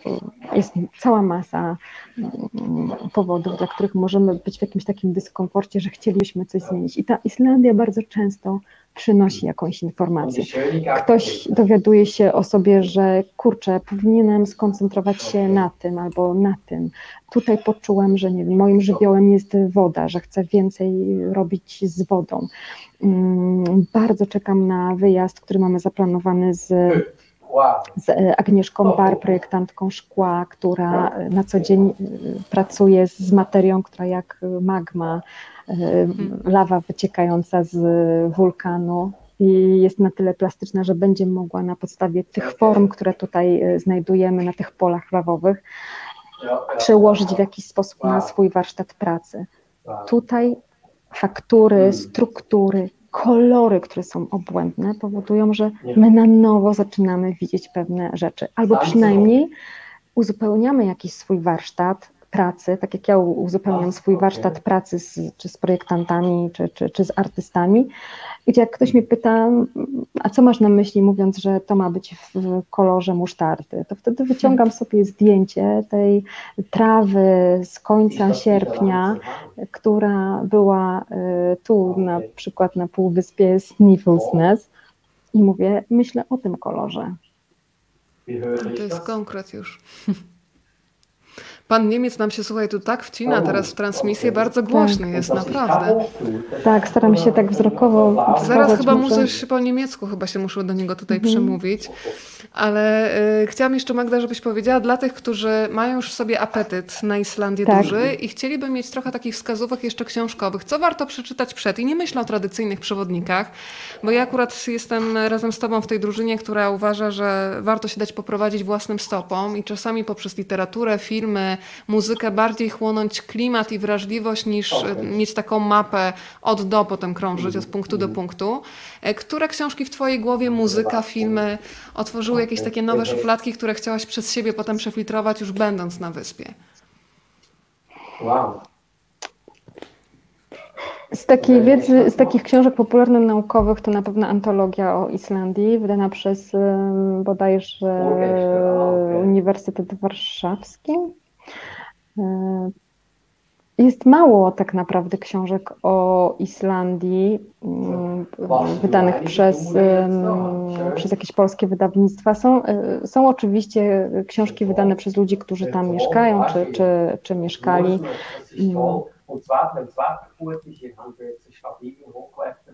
Ja bym nie chciała, słuchaj, polecać książek, dlatego że to, co powiedziałaś, jest bardzo właściwe. Nie czytajcie, bo zawsze to jest tak, że po przeczytaniu czegokolwiek, książki, bloga, budujecie swój taki bagaż wiedzy podręcznej o tej wyspie. Mhm. I ten bagaż w dużej mierze będzie was, Wam przeszkadzać w eksplorowaniu, kiedy pojedziecie na nią. Będziecie mieć to wszystko z tyłu głowy mhm. i będziecie mieć oczekiwania albo będziecie mieć jakieś plany. Jeśli chcecie tej wyspy dotknąć w tym wymiarze, wezmę to, co mi da, y, to najlepiej przygotować się do niej po prostu zabierając dobre ciuchy i dobre myśli. To ładne, to dobre myśli, nawet chyba na pierwszym miejscu, prawda? Tak. E, Magda, to muszę Cię jeszcze zapytać też o to, jak zmienia się wyspa na przestrzeni ostatnich pięciu, dziesięciu lat i jak wygląda sytuacja teraz w czasie pandemii? Czy miałaś w ogóle jakieś problemy z, z dotarciem? Czy są jakieś mm. obostrzenia na wyspie już na miejscu? Bo to też jest temat, który dzisiaj jest e, dla wielu osób, które myślą o wyjeździe bardzo istotny. Na wyspę dostałam się Bez problemu. Musiałam tylko wykonać test y, antykowidowy, za który trzeba zapłacić prywatne pieniądze, zainstalować aplikację i w momencie, kiedy by się okazało, że y, mam wirusa, no to przejść na kwarantannę, oddać się, że tak powiem, pod ich y, opiekę. Badanie było nieprzyjemne, no tak, każde badanie. To, co się zmieniło na Islandii w trakcie, w trakcie pandemii, to fakt, że jest oczywiście mniej turystów, ale z kolei y, jest więcej turystów y, samych Islandczyków. I do tej pory spotykało się mnóstwo Azjatów w drodze, a teraz zdarza mi się spotykać Islandczyków i to jest niezwykle przyjemne, bo ja ich nigdy w podróży po własnym kraju nie widziałam. Co więcej, mówi się o tym, że Islandczycy tak naprawdę bardzo słabo znają swój kraj, jeśli chodzi o tak, tak, taki walor turystyczny. Bardzo często nie byli w wielu miejscach. To, to chyba taki trend chyba ogólnie teraz na całym świecie, bo no tak. jakbyś zobaczyła, co dzieje się w Polsce nad morzem i w górach, ile można stać w kolejce, żeby wejść na szczyt, to naprawdę ja muszę ci powiedzieć, że jestem pod wrażeniem naszych rodaków czasami, dlaczego sami sobie to robimy, ale nie będę już tutaj więcej komentować e, tej sprawy. Magda, to powiedz, kiedy najbliższa wyprawa, czy już jest ktoś, kogo zabierasz e, i czy czasami marzy ci się taki właśnie samotny wyjazd, kiedy też, e, no powiedzmy sobie szczerze, nie masz jednak jakiejś odpowiedzialności odpowiedzialności za kogoś, tylko zostajesz sama z własnymi myślami e, i nie musisz cały czas mieć taki radar wystawiony, żeby ten ktoś, kto jedzie z tobą, no jednak e, zachłysnął się tą Islandią, no bo przecież często to są takie wyjazdy, o których ludzie marzą, nie wiem, całymi latami. Tak, I ty tak. chyba pośrednio czujesz taki rodzaj odpowiedzialności, że to jak ta Islandia tego kogoś przyjmie, w dużej mierze też zależy od twoich zabiegów. Bardzo oczywiście. Ja wręcz powiedziałabym, że po takich wyjazdach jestem nawet niezwykle zmęczona, bo jestem w podwójnej roli. E, To jest ogromna odpowiedzialność. Jednak em, jedziemy samochodem często po trudnych terenach. e, Pogoda się zmienia. Trzeba e, cały czas na bieżąco weryfikować to, gdzie będziemy, co będziemy robić, jak i kiedy. Mm, I też na bieżąco jakby reagować na samych e, uczestników tego wyjazdu, bo ja widzę po, po, po reakcjach, po, po minach, czy, czy to się podobało, czy nie, czy mniej, czy to było ekscytujące, czy to było za trudne. Dlatego też zadaję pytanie, czy spacer dla, dla Ciebie to jest e, godzina, dwie, czy sześć godzin trekkingu, bo niektóre osoby mm, no nie mają na przykład kondycji i wiele, e, wiele miejsc chciały, chciałyby owszem zobaczyć, ale niekoniecznie mm, dochodzić do nich 6 godzin w kaloszach albo w specjalistycznych butach, tak. Co do Twojego pytania, jakie podróże kolejne, to y, jest w planie dla mnie osobiście coś, na co będę czekała i przebierała nogami, wyjazd z geologiem. O proszę, no to on, y, zanurzając się w te kamienie, skały i gorące Och. źródła, to w ogóle będzie jakaś bajka. Bajka dla każdego geologa wyjazd na Islandię to jest w ogóle marzenie, dlatego że to jest y, żywy warsztat pracy, a mnie niesamowicie jakby temat tego, tej interpretacji tej przestrzeni, y, informacji o tym, jak to powstaje, dlaczego to powstaje, dlaczego wypluwa niezwykłe formy, takie, a nie inne, które tak blisko siebie są, a są tak zgoła odmienne. Jak to jest w ogóle możliwe, że to się dzieje? Bo na wyspie, słuchajcie, widać tak ogromną siłę naszej Ziemi, jak nigdzie indziej. Tego się po prostu nie da opisać. Ten uścisk życia i śmierci na Islandii czujecie po prostu za każdym razem, jak na nią patrzycie. E, To, co też jest dla mnie ważną informacją, Magda, że chyba większość tych takich, nazwijmy to, naturalnych atrakcji, czyli to przebywanie w krajobrazie, wchodzenie w różne przedziwne, piękne zakamarki jest w większości chyba bezpłatne, prawda? Tam nie ma jakichś biletów wstępu, jeżeli chodzi o cieszenie się, nie wiem, na przykład gorącymi źródłami. Jak to wygląda? No nie, no Nie? to nie jest tak do końca. Istnieje kilka oczywiście takich miejsc, e, w których można za darmo korzystać mm, z gorących źródeł. Często one są też tak zwanymi sekretnymi gorącymi źródłami. No ja się rozczarowałam w tym roku, bo moja sekretna kołurza, na którą, do której zawsze przyjeżdżam, i chociaż jest płytka i nie ma 40 stopni, tylko jest e, w temperaturze 37, w której spędzałam zresztą jeden nowy rok, została e, no, zamknięta. I e, Islandczycy zaczynają, no tak jak wszyscy na świecie, tam gdzie się pojawia turysta, za turystą stoi pieniądz, chcą ten pieniądz namnażać, w związku z tym wprowadzają e, biletowanie. To też wynika między innymi z tego, żeby nie zadeptać też e, przyrody islandzkiej, ograniczyć trochę ruch, no bo w końcu przewija się przez ten skrawek ziemi milion, dwa miliony turystów rocznie. Magda, zatrzymałam się na zdjęciu, które kocham, bo mam wrażenie, że tutaj po prostu konie i ludzie mają, swoich, y, o, mają swoje odpowiedniki, bo jest po prostu koń z blond grzywą i koń z ciemną grzywą i po prostu jest w tym jakieś takie... Mm, w zasadzie to zdjęcie mogłoby być wykonane, może gdyby nie te tutaj bokserki wystające z jakimś napisem, jak już wchodząc w detale, ale gdyby ich nie było widać, to to zdjęcie mogłoby być wykonane równie dobrze, nie wiem, na początku XX wieku, bo jest rodzaj jakiejś takiej sielskości i beztroski. Powiedz, Tak. bo to jest chyba coś bardzo świeżutkiego. Z jakiej okolicy? To jest zdjęcie z wczoraj. To jest zdjęcie i w ogóle sytuacja, która mnie mm, przejęła i, i w pewnym sensie y, czekałam na taką sytuację, bo, bo nie miałam jej w swoim jakby dorobku takiego lokalnego życia.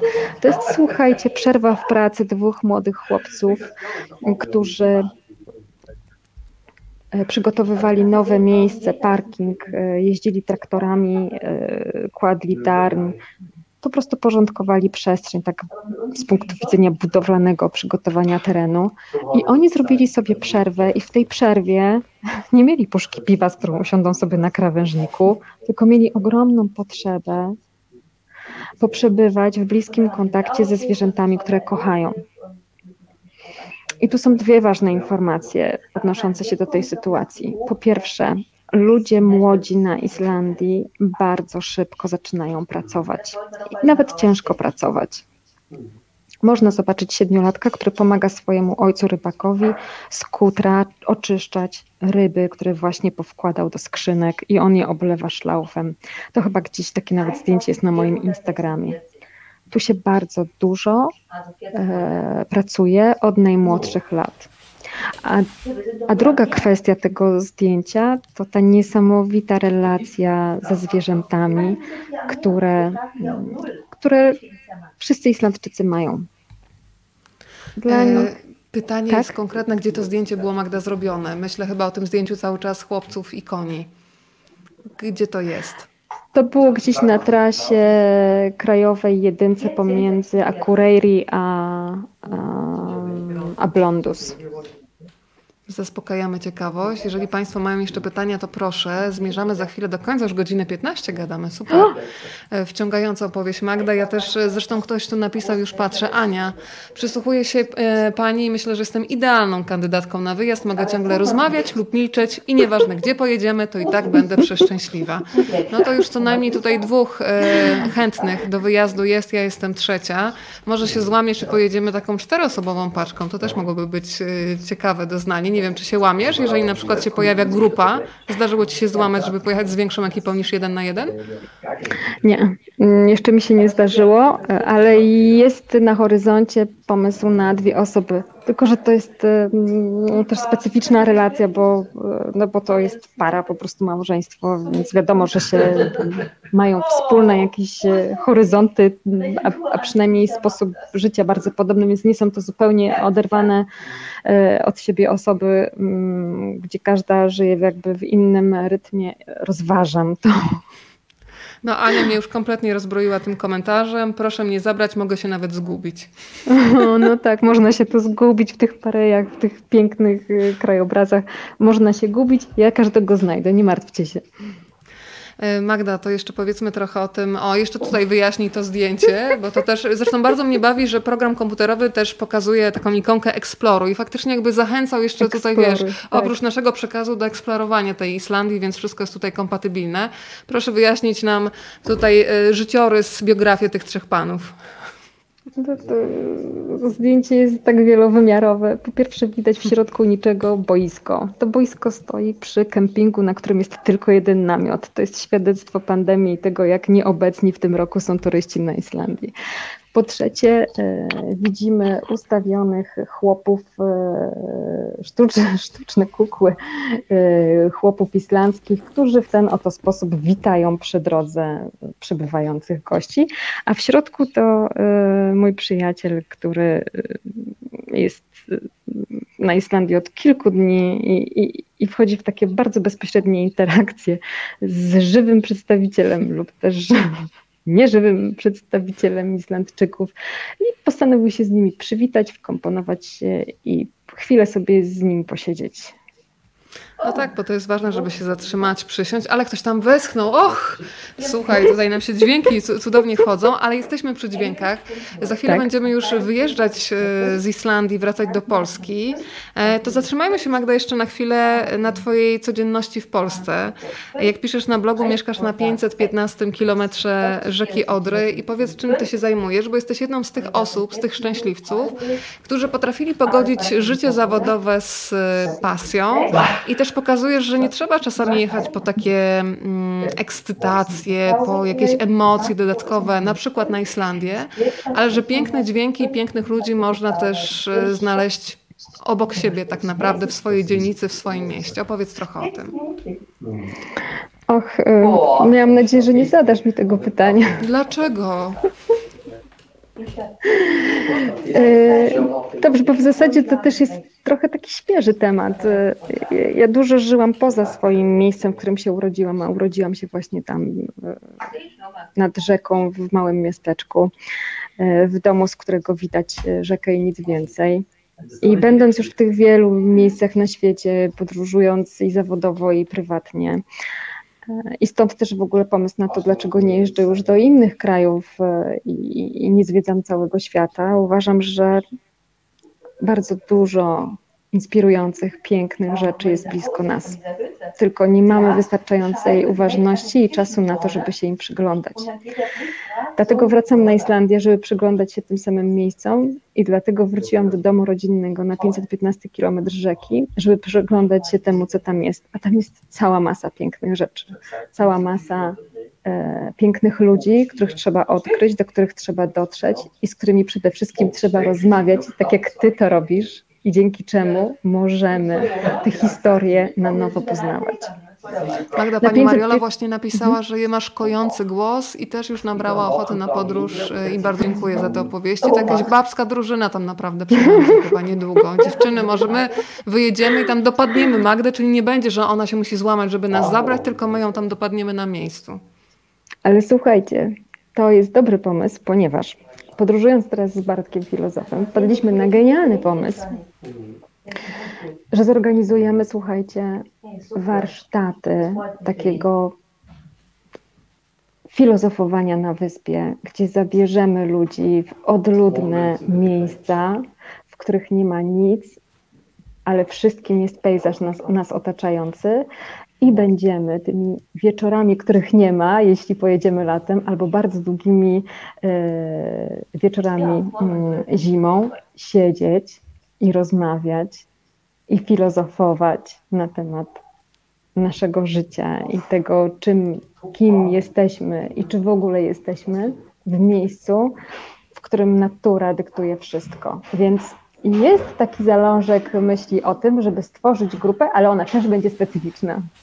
Słuchaj, ta grupa już się tutaj tworzy, wszyscy przed pisze jedźmy, tak, dopadniecie y, wikingów, jestem za, tak, więc tutaj bakpska ekipa, już nawet wiesz, kolejka nam się tutaj utworzyła.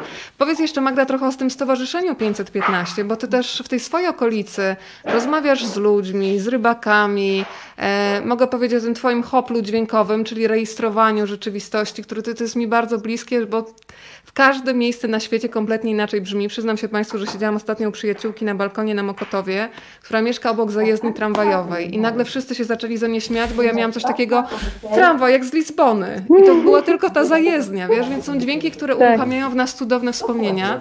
Więc y, co można zarejestrować na Odrze, powiedz, na tym 515 kilometrze? Żyjemy, słuchajcie, w świecie przebodźcowania obrazkiem e, i kiedyś e, przeczytałam taki, takie wspaniałe zdanie, że mm, jedną z najlepszych metod do stymulowania naszej kreatywności jest dźwięk, ponieważ pobudza tą wyobraźnię i, i zaczęłam szukać e, tych źródeł. Ja sama robię to oczywiście bardzo amatorsko i raczej jest to takie dotykanie tematyki nagrań terenowych, ale znalazłam człowieka, który na przykład całą Odrę przepłynął od źródeł do y, ujścia, nagrał tą rzekę. Michał Zygmunt jest kompozytorem, jest gitarzystą, który po nagraniu tych e, dźwięków stwierdził, że przyroda tworzy tak znakomitą muzykę sama w sobie, że nie musi jej w żaden sposób uzupełniać. E, I stowarzyszenie, które założyłam na 515 kilometrze, poprosiło Michała o obecność, o, o zrobienie koncertu i byliśmy pierwszym koncertem w trakcie trwania pandemii, który odbył się w moim małym miasteczku. E, Michał zagrał na barce, na rzece, przyszli ludzie, ludzie, którzy z jednej strony już byli e, bardzo głodni z takiego, wiecie, spotkania, gdzie są ludzie, a z drugiej strony byli niezwykle ciekawi, jak można stworzyć dźwiękowy pejzaż rzeki, bo właśnie taki, taki pejzaż dźwiękowy Michał stworzył. No i tak naprawdę zajmujemy się po pierwsze przybliżaniem tematyki turystyki nad rzeką, która w Polsce jest bardzo zaniedbana. Jest mało infrastruktury nad rzekami, żebyśmy mogli spędzać nad nimi czas. Tutaj na Islandii pięknie widać, e, jak ludzie e, używają e, rzek, jezior po to, żeby spędzać ten czas. Mm, I chcemy robić dokładnie to samo, czyli rozkochiwać rzece, bo rzeka przepływa przez moje miasto, jest jego sercem, e, ale też uczyć, jak z niej korzystać mądrze, jak ona może być e, takim źródłem mm, jakiegoś kreatywnego zajęcia, tak jak Michał stworzył siebie jako kompozytora, który zresztą na dodatek e, robi jeszcze gitary z drzew rosnących wyłącznie nad Odrą. Więc słuchajcie, można przy rzece, przy której tak naprawdę kiedyś się osiedlaliśmy i to był punkt startowy dla nas, na nowo odkryć siebie. I stowarzyszenie organizuje spacery, warsztaty, spotkania, spotkania z ludźmi, którzy na przykład zajmują się wyłącznie fotografią ptaków e, żyjących nad rzeką i z tego żyją, bo można żyć z rzeki. Powiedziałaś Magda bardzo ładnie, że to jest takie amatorskie, że to jest takie dotykanie. To ja mam wrażenie, że nas trochę pogłaskałaś podczas tej rozmowy. To był bardzo przyjemny dotyk, muszę ci powiedzieć. Więc wysyłam całą moc y, dobrych myśli do ciebie tutaj z Warszawy. Czekam na ciebie w Polsce, bo już wkrótce wracasz.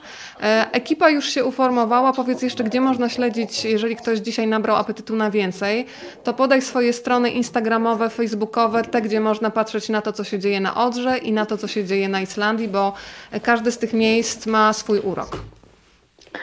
Ojej, no ja nie jestem taka regularna w tym wszystkim, y, bo na co dzień się tym zajmuję, więc y, szef bez butów chodzi.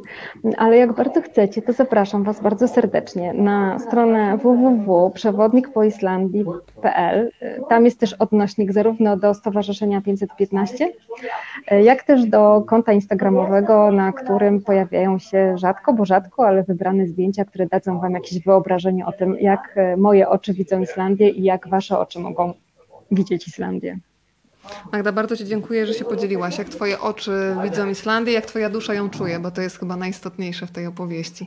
Magda Bobryk była razem z nami. Bardzo dziękuję wszystkim, którzy uczestniczyli w tym spotkaniu, komentowali. E, Magda, możesz potem prześledzić i podopisywać e, komentarze. Dobrze. Bardzo się cieszę, że taką zgraną ekipę tutaj tworzymy. I na koniec jeszcze chciałam Państwa zaprosić. Widzimy się już 9 e, sierpnia. Będziemy się łączyć z Gwatemalą. Ja za chwilę mam próbę, zobaczymy, jaka będzie ta jakość połączenia. Tam są Iza i Piotr Miklaszewscy, których zatrzymała pandemia w Gwatemali, razem, co istotne, uwaga, z psem Snupkiem. Snupek jest pieskiem zabranym ze schroniska i wyobraźcie sobie, że on podróżuje autostopem praktycznie od trzech lat. Zwiedził już masę państw, zdecydowanie więcej niż ja i myślę my wszyscy razem wzięci, gdybyśmy zaczęli podliczać. I porozmawiamy o tym, co oni robią w podróży, bo oprócz tego, że podróżują z psem, to robią całą masę fantastycznych rzeczy dla zwierząt. Stworzyli też komiks, więc bardzo bym się chciała e, nimi z Państwem podzielić. I jeszcze dla tych, którzy kochają zwierzątka, 12 e, sierpnia premiera nowego wydania książki Kuna za kaloryferem. E, nie wiem, czy Państwo czytali pierwsze wydanie. Ja po raz pierwszy się spotkałam z tą książką i stwierdziłam, że mam w sobie bardzo dużo małego dziecka. Po prostu siedziałam i się uśmiechałam, czytając o zwierzątkach, które mają uszka, które przylegają do głowy i te, które mają odstające, i o nietoperzu, który pomieszkuje w lodówce, i o bardzo towarzyskiej wydrze. A przede wszystkim jest tam tyle miłości pomiędzy Adamem Wajrakiem a Nurią Fernandez, y, jego partnerką fantastyczną, że tą miłością i czułością zawartą w tej książce też z dziką radością się będziemy dzielić. To z kolei 12 sierpnia i trochę wcześniej, ponieważ to jest książka w dużej mierze dla dzieciaków, bo o 19.30. Magda, która jest godzina u Ciebie teraz? E, u mnie jest 20, nie, 20 godzina, 28. Co planujesz jeszcze? Kiedy się z nami pożegnasz, to co będziesz jeszcze robić? Gdzie się szwendać? E, Będziemy dzisiaj wygrzać się w ciepłych źródłach, ponieważ e, pogoda nie pozwala na innego rodzaju spędzanie czasu, bo już dużo zrobiliśmy. Jutro jest nasz ostatni dzień na Islandii, więc wygrzejemy się. To do tego ciepłego, wodnego tutaj środowiska, ciepłe słowa od nas wszystkich, którzy byliśmy z Tobą. Magda Bobryk, pięknie dziękuję za to spotkanie. Dziękuję wszystkim, pozdrawiam Was stąd.